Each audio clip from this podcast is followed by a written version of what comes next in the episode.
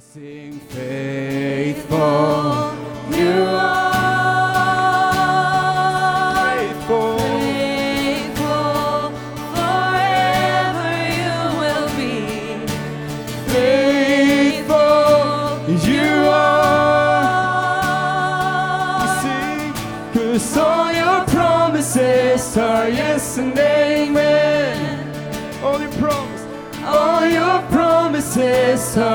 yes and amen. All your promises. All your promises are yes and amen. All your promises are yes and amen. Ska vi ge Mikael en stor applåd? Han kan behöva den. Ja, det är härligt att Lennart är på fötterna igen. Det blir mindre flum då, efter vad vi hörde här. Väldigt kul att vara tillbaka här i Övik och känna denna underbara atmosfär som är. Eh, jag ska predika om någonting och ska gå rätt rakt på här idag. Eh, jag har glömt att fråga Thomas hur länge man får predika här. I många kyrkor är det 30 minuter, är det så? Typ 30. Mm. Då klockar vi om en 30 minuter. Eh, jag ska tala om någonting som eh, jag, eh, jag fick den här predikan på ett sätt som jag absolut inte hade tänkt att den skulle komma på.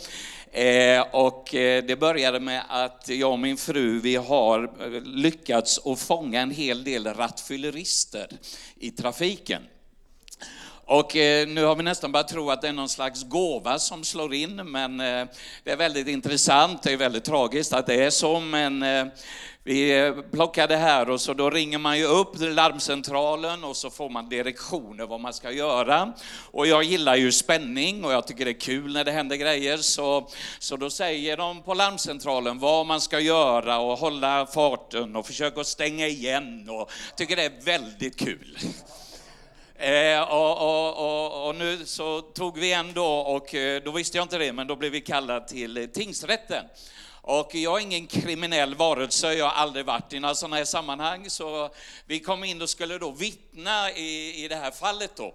Och vi visste inte var vi skulle gå, hade ingen aning hur det här fungerar, så, så då stod en polis där och så tittade hon på oss och sa jag ska guida er till, eh, till så det här går lätt och smidigt för er. Och eh, vi stod där och pratade och hon var väldigt engagerad kvinnlig polis. Och eh, till slut gick min fru in som första vittne och jag fick vänta. Och då tittade den här eh, polisen på mig så sa hon, vad jobbar du med då? Ja, sa jag, jag är präst. Jag jobbar ute och, och talar med människor om, eh, om, om Jesus och så vidare. Och det första denna kvinnliga polis sa till mig, det är så här, är du sann eller är du falsk? Det var vår första konversation där då. Och, och jag tänkte, det här, vad, vad blir det av detta nu då? Och så sa jag, min längtan är att vara sann i allting och min ambition är att vara sann i allting och min bön är att vara sann i allting. Eh, och så sa hon, det är okej, sa hon. Men nu ska jag tala om för dig en sak som du behöver höra. Och så sa hon så här, om du nu tror på det du gör, så är det ju så att ni kristna har svaret på vårt lands problem. Och den här kvinnan var ju inte en troende kvinna då, för det hörde man på snacket, för det var väldigt mycket svordomar. Och det kanske, jag vet inte, men vi försöker hålla bort dem i alla fall. Och, eh, och hon var så engagerad, så hon sa, eh, eh, ni måste höja tempot nu. Ni måste liksom komma igång nu. Och då stod jag där kanske 20 minuter max och så förmanade hon mig i 20 minuter att nu är det tid att gå ut. Och så sa hon följande då, bakom de här dörrarna här, var en stor tingsrätt, bakom de här dörrarna sa hon, så är det en sån nöd. Det är en sån nöd och det går ner i åldrarna och det blir grövre och grövre brott. Så hon sa, ni måste komma igen nu.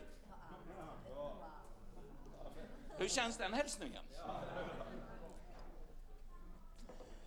Och så tittade hon på mig och så, så sa hon, hör du vad jag säger? Ja, ja, sa jag. Ja. En kvinna och polis, vet du, det är inget annat än att böja sig helt. Alltså så, så, så, så, så gick det och så, sen så, eh, precis då när min fru kom ut så sa hon, jag bara säger till dig, gå nu till dina kristna vänner och säg till dem att höja tempot. För landet behöver er. Är inte det härliga nyheter? Polisen och alltihopa här. Och så, så går jag där, ja jag ska göra mitt bästa så jag, det är därför jag är här idag nu då. Eh, och så precis när jag går in så ropar hon, Mikael! Och jag bara vänder mig om, liksom, väldigt barsk kvinna sådär. Så sa hon, kom igen nu! Och du kan höja ditt egna tempo också. Och jag bara, liksom, yes sir. Och, och så gick jag in där då. Men så tänkte jag på detta när vi åkte hem, så satt vi och pratade om det här. Märkligt liksom, vilket, vilken nöd hon hade. Vilket engagemang hon hade. Vilken omsorg hon hade. Och vilken klipps kvinna, liksom, hon drog ihop vissa grejer, att det är nog ändå han som är huvudpersonen i kristendomen som kan rädda det här landet. Då. Han kan göra någonting av det här. Och det här då liksom gjorde att vi faktiskt kom till dagens predikan. Vi började gråta i bilen. Tänkte vilken kvinna, vilken passion hon hade, vilken gnista hon hade. Det var svordomar och så vidare, men det var ett rop ifrån henne. Och så har jag tänkt på detta med tårar. Tänk att varje kristen kyrka i det här landet är född med tårar. Det är ingenting som kommer fram i Guds verk som, ofta, ja kanske något, men jag tror det mesta är, det föds med tårar. Det är någonting man får nöd för en stad, man känner för de människorna som bor. Om man läser missionspionjärernas böcker så ser man att de är fyllda av tårar. Bladen är fyllda av salta tårar som har droppat ner, för de brinner så för det land de har blivit sända till. Så det här med tårar är något underbart. Det står mycket i bilen om, bilen, mycket i Bibeln om det här. Och, och, och, det är något, och då, då kan man dela in tårar bara lite snabbt här nu. Man kan kalla det bastårar. Det är liksom eh, den vätska som egentligen håller ögat fuktigt kan man säga. Det, är liksom, det funkar i de flesta av våra ögon och, och det gör att man rensar ögat ifrån smuts och damm. Det är bastårar, det fungerar hela tiden i oss. Sen finns det något som heter reflextårar. Det är tårar som kommer, är det någon som har hackat lök någon gång? Utan skidglasögon. Och du står och hackar den där löken och så känner du att det är någonting, det pressar på i ögonen. Kemikalier kan ha det här också. Det blir en irritation som uppstår och det är en reflex som står till och då kallar man det reflextårar.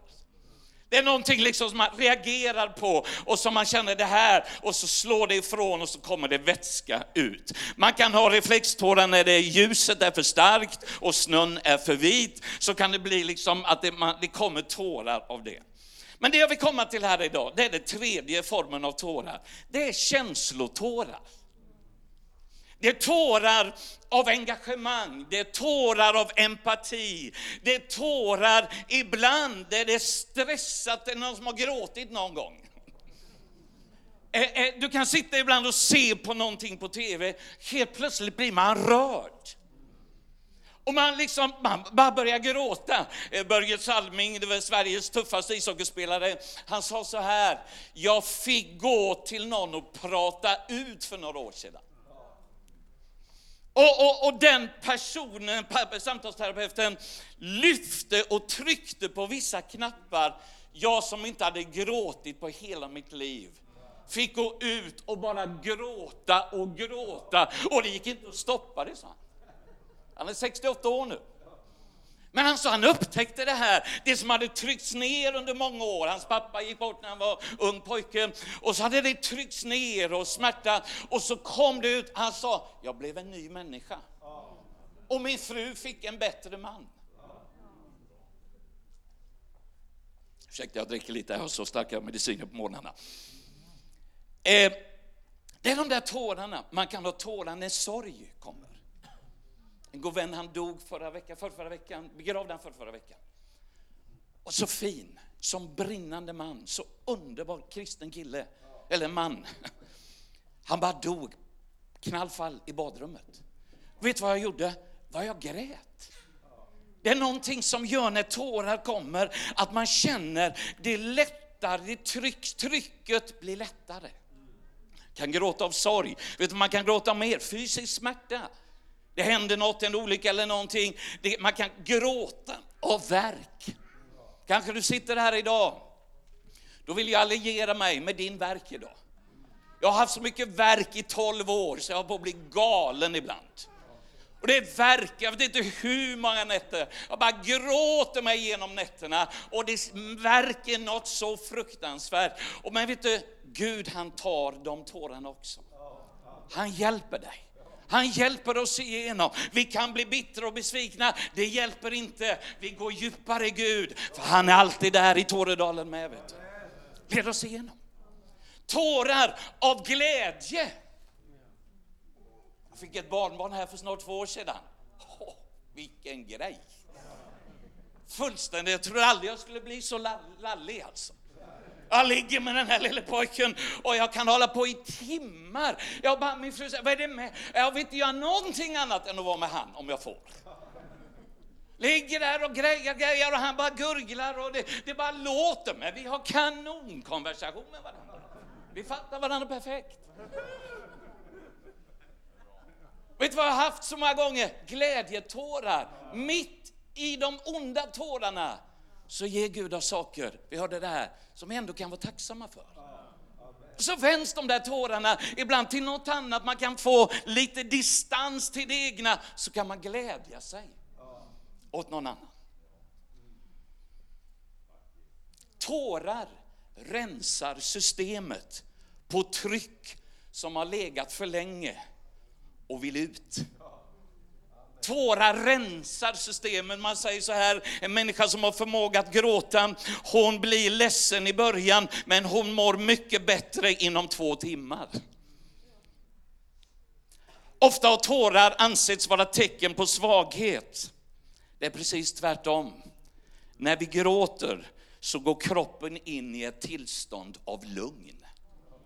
Det är på något sätt som tryck släpper och glädje, gråter av glädje, det släpper saker. Kroppen går in. Tårar ger stresslindring. Är det någon som har stressat någon gång här inne? Ni andra har inte levt än. Ibland blir man stressad, ibland känner man det här, men det är någonting när tårar, ögon gråter, det lugnar ner systemet. Så snart läser jag mitt bibelord här. Jag satt i en bil för några år sedan. Och mannen som ville ha skjuts hade jag aldrig sett. Han satt utanför Konsum. Och när jag gick in så sa han, kan du köra hem mig? sa han. En riktig göteborgare.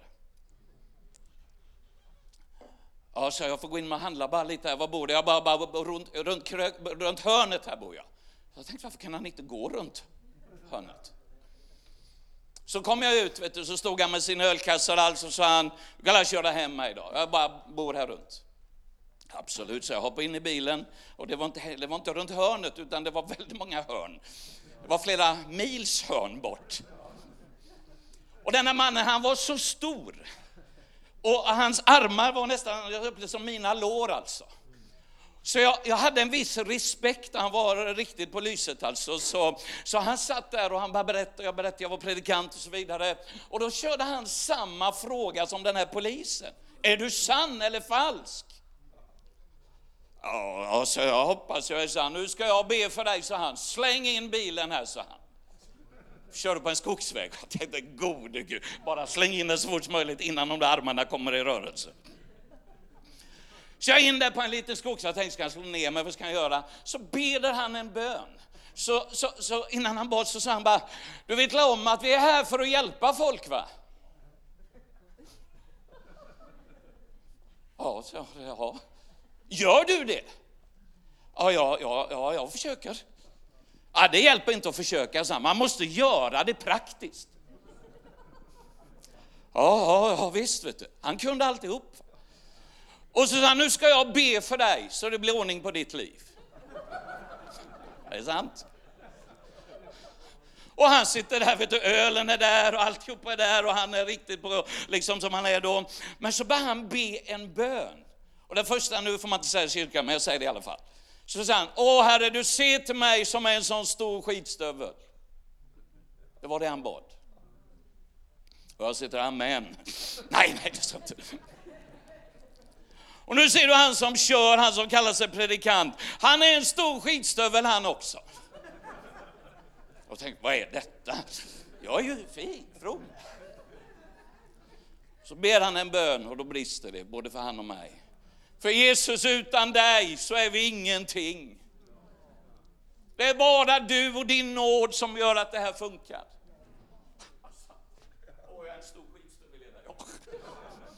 Utan Jesus så är inte livet någonting. Så sa han när han har bett klart då, lång bön. Då kan vi köra vidare, sa han. Så hur långt är det? Jag ska bara köpa mjölk till min fru. Det är ju flera mil här. Så han, jag säger till när du ska stanna. Ja, absolut, kör vi, det, det är bra.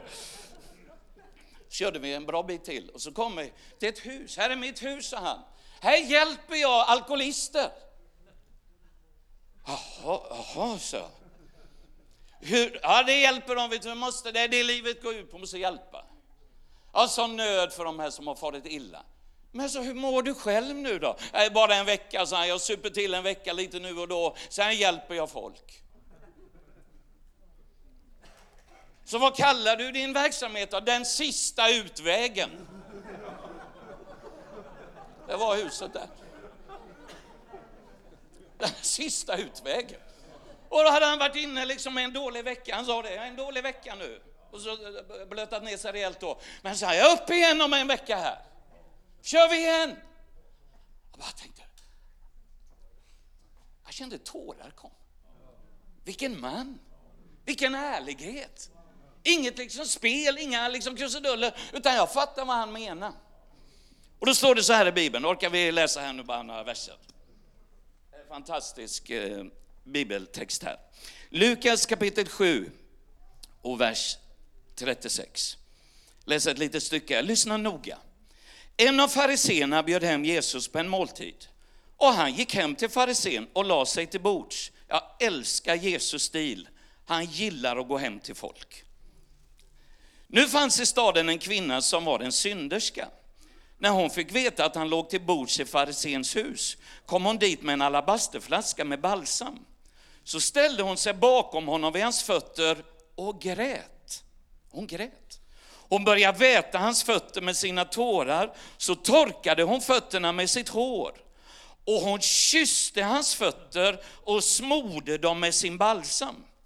Farisén som hade bjudit in honom såg det och sa för sig själv, hade han där varit en profet, så hade han vetat vad det är för en kvinna som rör vid honom. Hon är en synderska. Tack gode Gud att Jesus är annorlunda. Då säger Jesus till honom, Simon, jag har något att säga dig. Han svarar, Mästare, säg det. Blir han religiös? Mästare, säg det. Två personer stod i skuld till en penningutlånare. Den ene var skyldig 500 och den andra 50 denarer.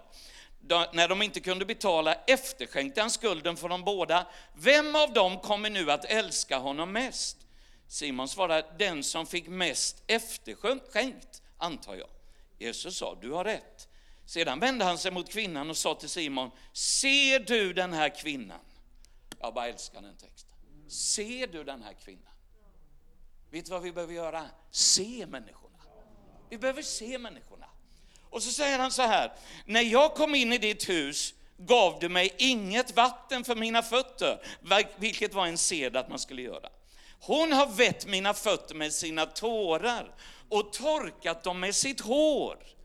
Du gav mig ingen hälsningskyss, vilket man också gjorde. Men sedan jag kom in har inte hon slutat att kyssa mina fötter.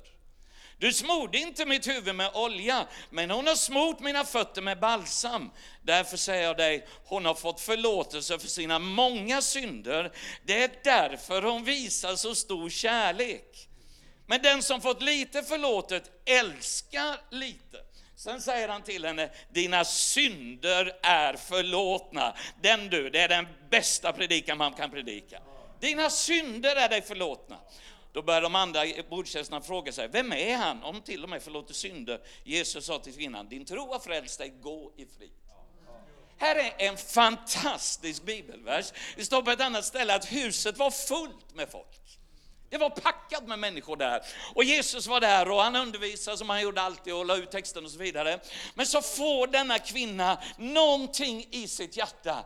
Tänk om jag kunde få möta Jesus. Det är många i Sverige idag som tänker det. Tänk om jag kunde få möta Jesus. En mycket, mycket rik man i Sverige ringde mig på telefon. Och så, jag var ute i bilen och så sa han, det är jag, sa han. Och så började han gråta. Han bara grät. Så jag, hallå? Ja, det bara kommer nu, sa han. Jag bara gråter. Och klick. Ringde upp igen. Ja, det är jag, sa han. Jag sa, vem är det jag pratar med? Ja, det är jag. Nej, nu kommer det igen, sa han. Han stod och gråta. Och klick. Tredje gången, samma procedur, klick. Fjärde gången, alltså jag måste samla mig, jag måste samla mig, det är jag! Vem är jag, sa jag. Men det, jag blev chockad i telefonen, vem han var. Han läste om vårt arbete och så vidare, så vidare. Han var så berörd. Och så sa jag gråter aldrig, jag fattar inte vad det är. Jag kan inte sluta gråta.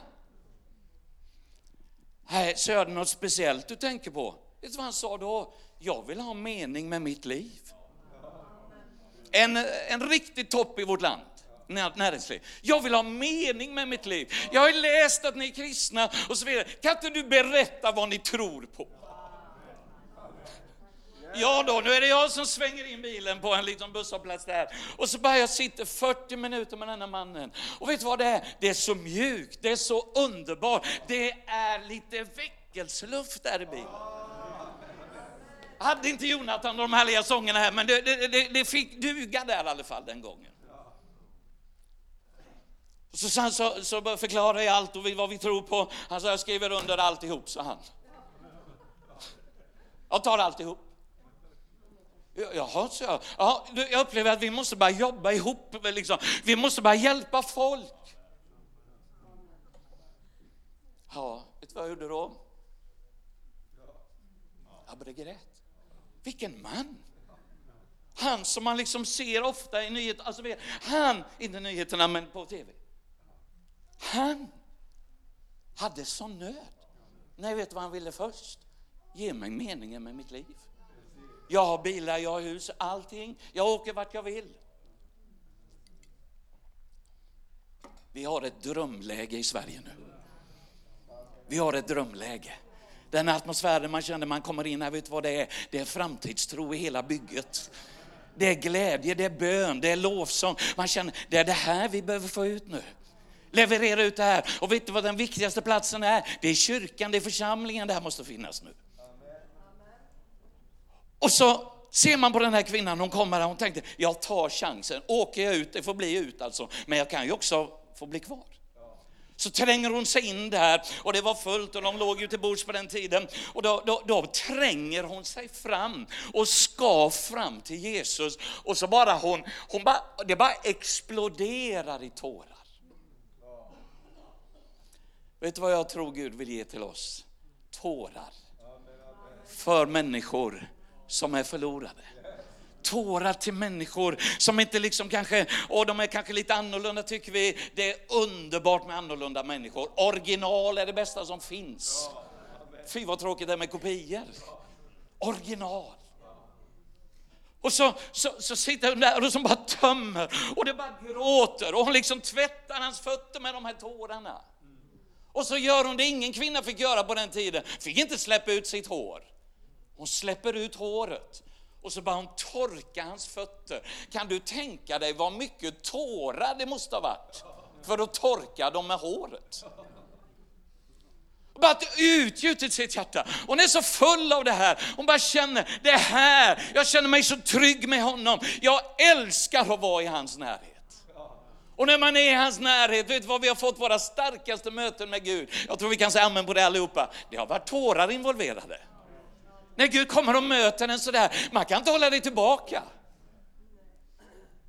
Det är underbart, det är både glädje och det, det jag vet vi åkte till Pensacola på 90-talet, det var tårar av sorg. Men sen blev det tårar av glädje. Fick lätta på trycket och fick göra upp och saker som har legat och så bara man fick gråta ut där. Det är underbart. Man säger idag att män ska inte gråta. Det är underbart för oss män att få gråta ibland. Det är underbart, det är, det är manligt.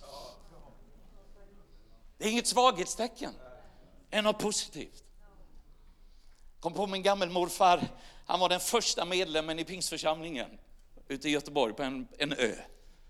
Han var den första som var med och startade församlingen. Och de berättar att gammelmorfar, de grät igenom bönemötena när de födde fram församlingen. Grät, de ropade, det var en rörelse. Och det var liksom, de var fiskare och när de var ute så ropade de till Gud att Guds ande skulle komma. Han var den första medlemmen. Och när de renoverade kyrkan nu för en del år sedan så var det en, en i, i rumpan där han satt på bänken, så var det en, hela bänken var nött med hans rumpa. Han satt alltid på samma plats. Och nedanför när de gjorde golvet så var det eh, två knägropar. Eh, Men glöm aldrig gammelmorfar, jag har aldrig fattat det förrän egentligen de sista åren nu. För varenda gång vi kom dit så gjorde han alltid så här, när jag stod där. Det var en brant trappa, man höll på att slå ihjäl sig både upp och ner. Till hans hus. Men så man kom in så satt han alltid på samma stol. Så vinkade han, så fick jag komma upp i hans knä, han hade händer som dasslock. Så tog han mig i sin famn. Och vet vad han bad? Min mamma berättade nu. Han bad att jag skulle tjäna Jesus. Han bad att jag skulle gå och tjäna Jesus. Och vet vad man känner ju äldre man blir? Man blir det blir så dyrbart sådana här grejer. För det föds saker fram. Varje födsel har tårar med sig. Fråga vilken kvinna som helst. Det är inga, åh oh, kul, halleluja, utan det är en viss form av kamp där. Man gråter fram och så kommer det något underbart som man då kan glädja sig över. Bibeln säger om denna kvinna att hon torkade fötterna efter att fötterna var så mycket tårar. Och så sitter den där Simon och så säger han, tänk om han visste vem hon var. Det visar att han inte är en profet. Han visste en synderska. Det finns inga synderskor för Jesus. Det finns människor för Jesus. Det finns människor. Han klassificerar inte människor. Det finns inte hur mörker den kan vara. Det är alltid en människa som är värd att älska och värd att upprätta. upprätta. Alla fick plats hos han. Alla fick plats där. Och så säger Simon, ja det är hon, han, han är ju helt ute här Jesus, han tappat helt förståndet. Så är det just det Jesus kom för som hände. Han kom inte för de friska och perfekta. Han kom för de som hade det tufft i livet, de sjuka. Jag tror i Sverige, det kommer bli en tid när så mycket människor kommer komma nu. Jag har sällan, jag har gått igenom några tuffa år här nu med verk och allt elände. Jag känner en sån brand inne i hjärtat i alla fall. Det får heta vad det heter, det får göra vad det gör. Men vi ska ut och förkunna att det finns en Gud som älskar det här landet. Höj tempot, sa polisen. Höj tempot. De är och börjar bli liksom till åren nu, absolut, kanske inte fysiska kraften är samma, men de andliga vapnen är samma. De blir aldrig gamla på det sättet. Det står att Jesus bad med starka rop och tårar. Han bad med starka rop. Vet du vad det säger? Engagemang, inlevelse, nöd. Och han, han, han, han bara utgör, det står att Paulus han säger så här, jag har tjänat Herren med tårar. Jag har tjänat Gud med mina tårar. Och liksom Paulus, han hade ju så mycket utbildning och han kunde så mycket. Men det var någonting i Paulus, att han tjänade Gud med tårar. Det står så här, Gud säger, jag har sett dina tårar. Och vet du vad det är med det här med tårar? Det är så hälsosamt. Att man får bara liksom släppa på trycket ibland. Släppa på det. Jag ska snart avsluta här. De tårar man sväljer är mycket bittrare än de man fäller. De man sväljer, de blir bittrare än de man fäller. När hjärtat gråter så är tårarna äkta. Tårar är ögonens nobla språk. Tårar är den ädlaste konstprodukten. Det är något underbart när man får gråta.